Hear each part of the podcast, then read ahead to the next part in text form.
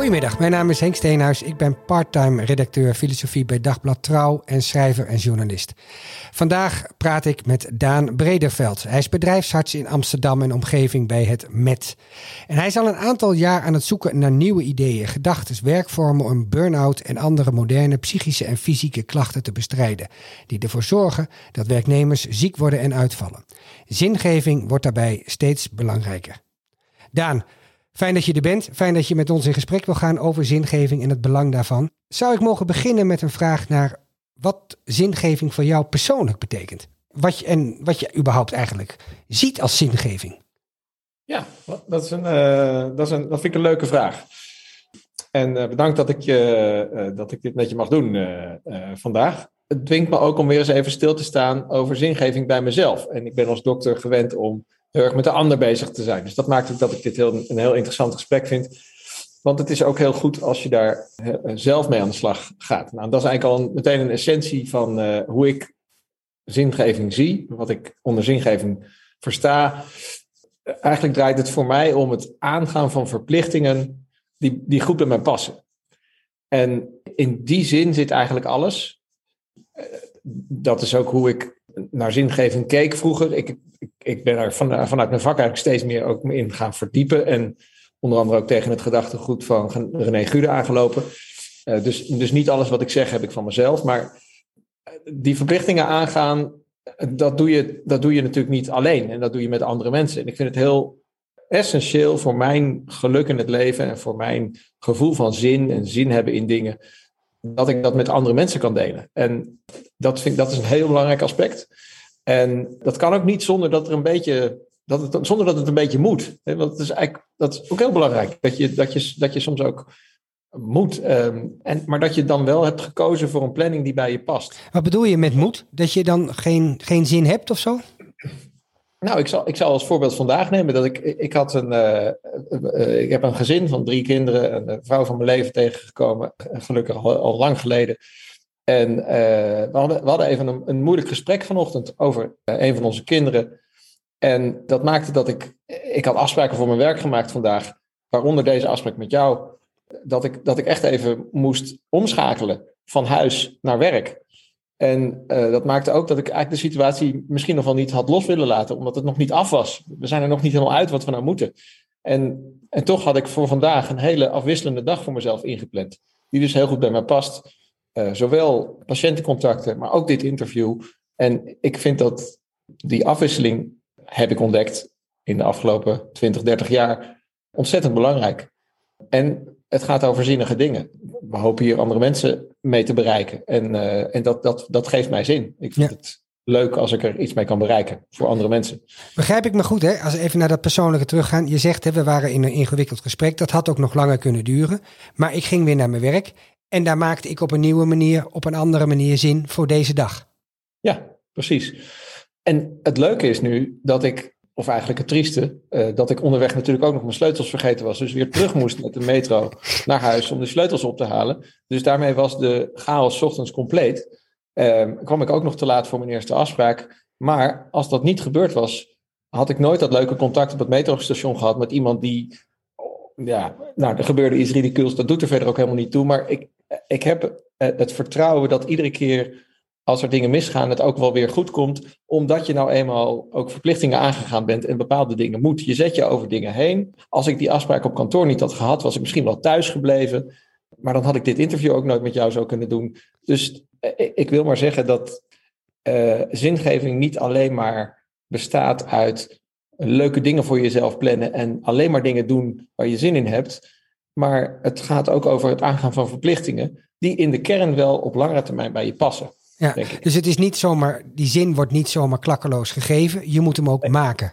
Je kunt hem maken door je over een bepaalde drempel heen te zetten, omdat je weet, die dag, uh, daar heb ik goed over nagedacht, uh, die zin komt alweer. En die kwam ook. En, ja. uh, en zodra ik hier was, was ik, had ik er weer helemaal zin in. En, en met de eerste patiënt voor mijn neus was het weer één groot feest en kon ik weer heel veel betekenen. En uh, en, en, en dat past dus bij mij. Maar net zo goed uh, als de, de zes kippen die we thuis hebben bij mij passen, uh, mijn vrouw nog steeds bij me past. En dan ga je natuurlijk ook in een relatie ga je ook door, door dalen en over pieken met elkaar. En ja, dat, dat is het mooie ervan. Het past op de lange termijn. heel goed.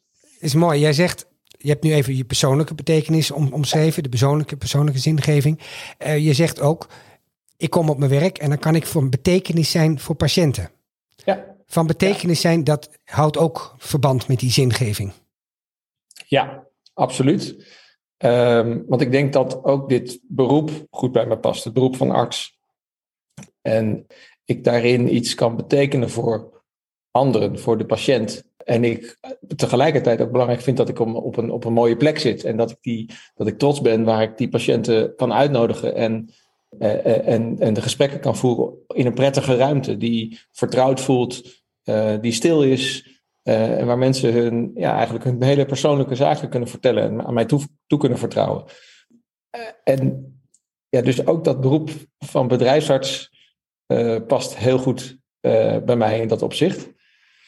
En ik ik mag ook nog met patiënten bezig zijn over zingeving. Want over hun zingeving. Hè? Dus niet alleen hun eigen zin. Het, is, het, het voedt niet alleen mijn zin in de dag. Maar uh, het gaat ook regelmatig in die gesprekken over de zingeving van de patiënt. Want, als ik het heel bot mag formuleren, jij kreeg, krijgt heel veel mensen op bezoek, patiënten, die er geen zin meer in hebben. Ja, klopt. Ja, ja je noemde al een aantal, uh, een aantal situaties in het begin van in je introductie waarin dat denk ik een hele belangrijke rol speelt op verschillende niveaus, op verschillende dimensies. Maar ik denk dat het meest sprekende en verdrietige voorbeeld is denk ik wel de depressie, de depressieve stoornis, die we in ons werk ook heel veel tegenkomen en die echt tot uitval leidt natuurlijk uh, en tot heel veel lijden uh, ook leidt bij mensen. Uh, en dat, ja, weet je, in ernstige situaties zijn mensen de zin in het leven verloren. En dan is misschien dat moment zelf op zichzelf niet eh, een, een, een geschikt tijdstip om het over zingeving te gaan hebben. Maar ik realiseer me dan wel dat ik met eh, eh, een onderdeel ben in de keten van mensen die bezig is met zo'n patiënt, om die zingeving weer op orde te krijgen, om daar aan te werken, samen. Burnout noemde je. Ik denk dat dat een, een, een, beeld is waarin we onderscheid moeten maken tussen de definitie of diagnose burn-out uh, waarover de psychiater denk ik nog wel een discussie zou kunnen beginnen, want hij komt niet voor in de, het uh, diagnostische boekje van de psychiater. Maar laten we even ervan uitgaan dat er zoiets bestaat als een, eh, een, een burn-out en, en dat daarin een diagnose te stellen valt. Dat enerzijds, maar ook de burn-out klachten waarover zoveel in de media valt te lezen, anderzijds. Ik zie in mijn werk heel veel mensen die uh, veel burn-out klachten hebben. Dus veel van de klachten hebben die bij burn-out voorkomen. En ik kom in dat soort situaties bij die mensen heel vaak zingevingsvraagstukken tegen. Zoals? Veel al over werk. Ja, en wat voor vragen zijn dat dan? Je zoekt natuurlijk met zo iemand op het moment dat, het, dat hij uh, een beetje uit de grootste crisis van de burn-out tevoorschijn komt, zoek je naar oorzaken van die burn-out. Waar, hoe ben je hier nu in terechtgekomen? En hoe kunnen we dan ook je beter maken en hoe kunnen we ervoor zorgen dat het niet weer gebeurt straks? Mm -hmm. En daarin uh, zien we nogal eens dat mensen in hun werk ja, zich gedwongen voelen, voelden of om wat voor reden dan ook in een situatie terecht kwamen waarin ze uh, werk moesten doen of op een manier werk moesten doen dat niet helemaal goed bij hen past. Omdat ze het niet begrepen wat ze aan het doen waren, of omdat ze het niet mooi vonden wat ze aan het maken waren, of waar ze werkten. Of omdat ze er niet achter konden staan, omdat het niet aan hun normen en waarden, eigen normen en waardepakket voldeed. Uh, kortom, uiteindelijk leidde dat ertoe dat ze er geen zin meer in hadden in, in, in die dag, in, in, in die weken, in die maanden, om nog verder naar het werk te kunnen. Ze konden gewoonweg niet langer. Ja. En ik zie dus heel veel oorzaken in werk die te maken hebben, in mijn overtuiging, met het uh, op orde houden van je eigen zingeving in werk. Maar dan kan ik me voorstellen dat je behalve met die patiënten ook met organisaties moet gaan praten over zingeving. Absoluut.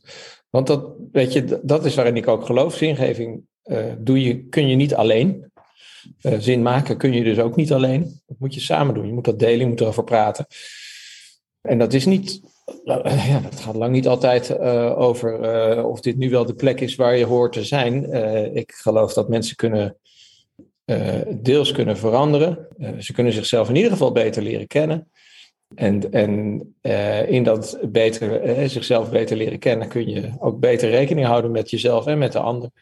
En dat geldt dus ook voor organisaties. En ik denk dat, ook, dat, ook, dat, dat, organisaties ook veel kunnen leren van, van burn-out bij hun medewerkers. Ja. Kun jij dat gesprek met organisaties over zingeving ook voeren? Ja, dat, is, dat probeer ik wel. Ik, ik noem het ook lang niet altijd zo. Hè? Nee. Ik merk wel dat mensen het interessant vinden op het moment dat je de term laat vallen. Ik, we weten ook dat er uh, bij zingeving natuurlijk de overgrote meerderheid van de mensen denkt aan iets religieus. Ja. Dus je moet ook meteen uitleggen dat het daar niet over gaat. Maar op het moment dat ik, nou ja, om dan maar weer met het gedachtegoed van een Gude te komen, dat ik het terugbreng naar de, de vier aspecten die ik net ook al noemde. Uh, hoeveel zin heb je erin? Hoe mooi vind je het? Begrijp je wat je doet? Uh, en sluit het aan bij je normen en waarden? Ja, dan zeggen mensen ja, ja dat klopt. Hè? Uh, als je dat op orde hebt, dan, nou, dan kom je een heel eind. En dan wordt het ineens heel tastbaar. En dat vind ik het waardevolle van nou ja, de, de manier waarop ik de laatste jaren naar zingeving heb leren kijken. Dat je concreet iets in handen hebt waarmee je in gesprek kunt met het individu, maar ook met de groep. Ja, jij zegt waarop ik, waarmee ik de laatste jaren steeds meer ben gaan werken. Is dat iets wat groeiende is? Jouw, jouw aandacht voor zingeving en misschien ook wel de aandacht voor zingeving bij bedrijfsartsen in het algemeen? Uh, ja, dat is zeker groeiende. En misschien heeft het iets met mijn leeftijd te maken. Ik ben 49.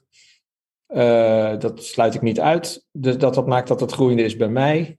Uh, ik merk dat het in de maatschappij wel groeiende is. Omdat we eigenlijk nog geen goed antwoord hebben op de burn-out-epidemie. En er toch ook wel steeds meer andere uh, professionals zijn die zeggen ja. En ook wel, en dat is ook internationaal, zie ik die trend.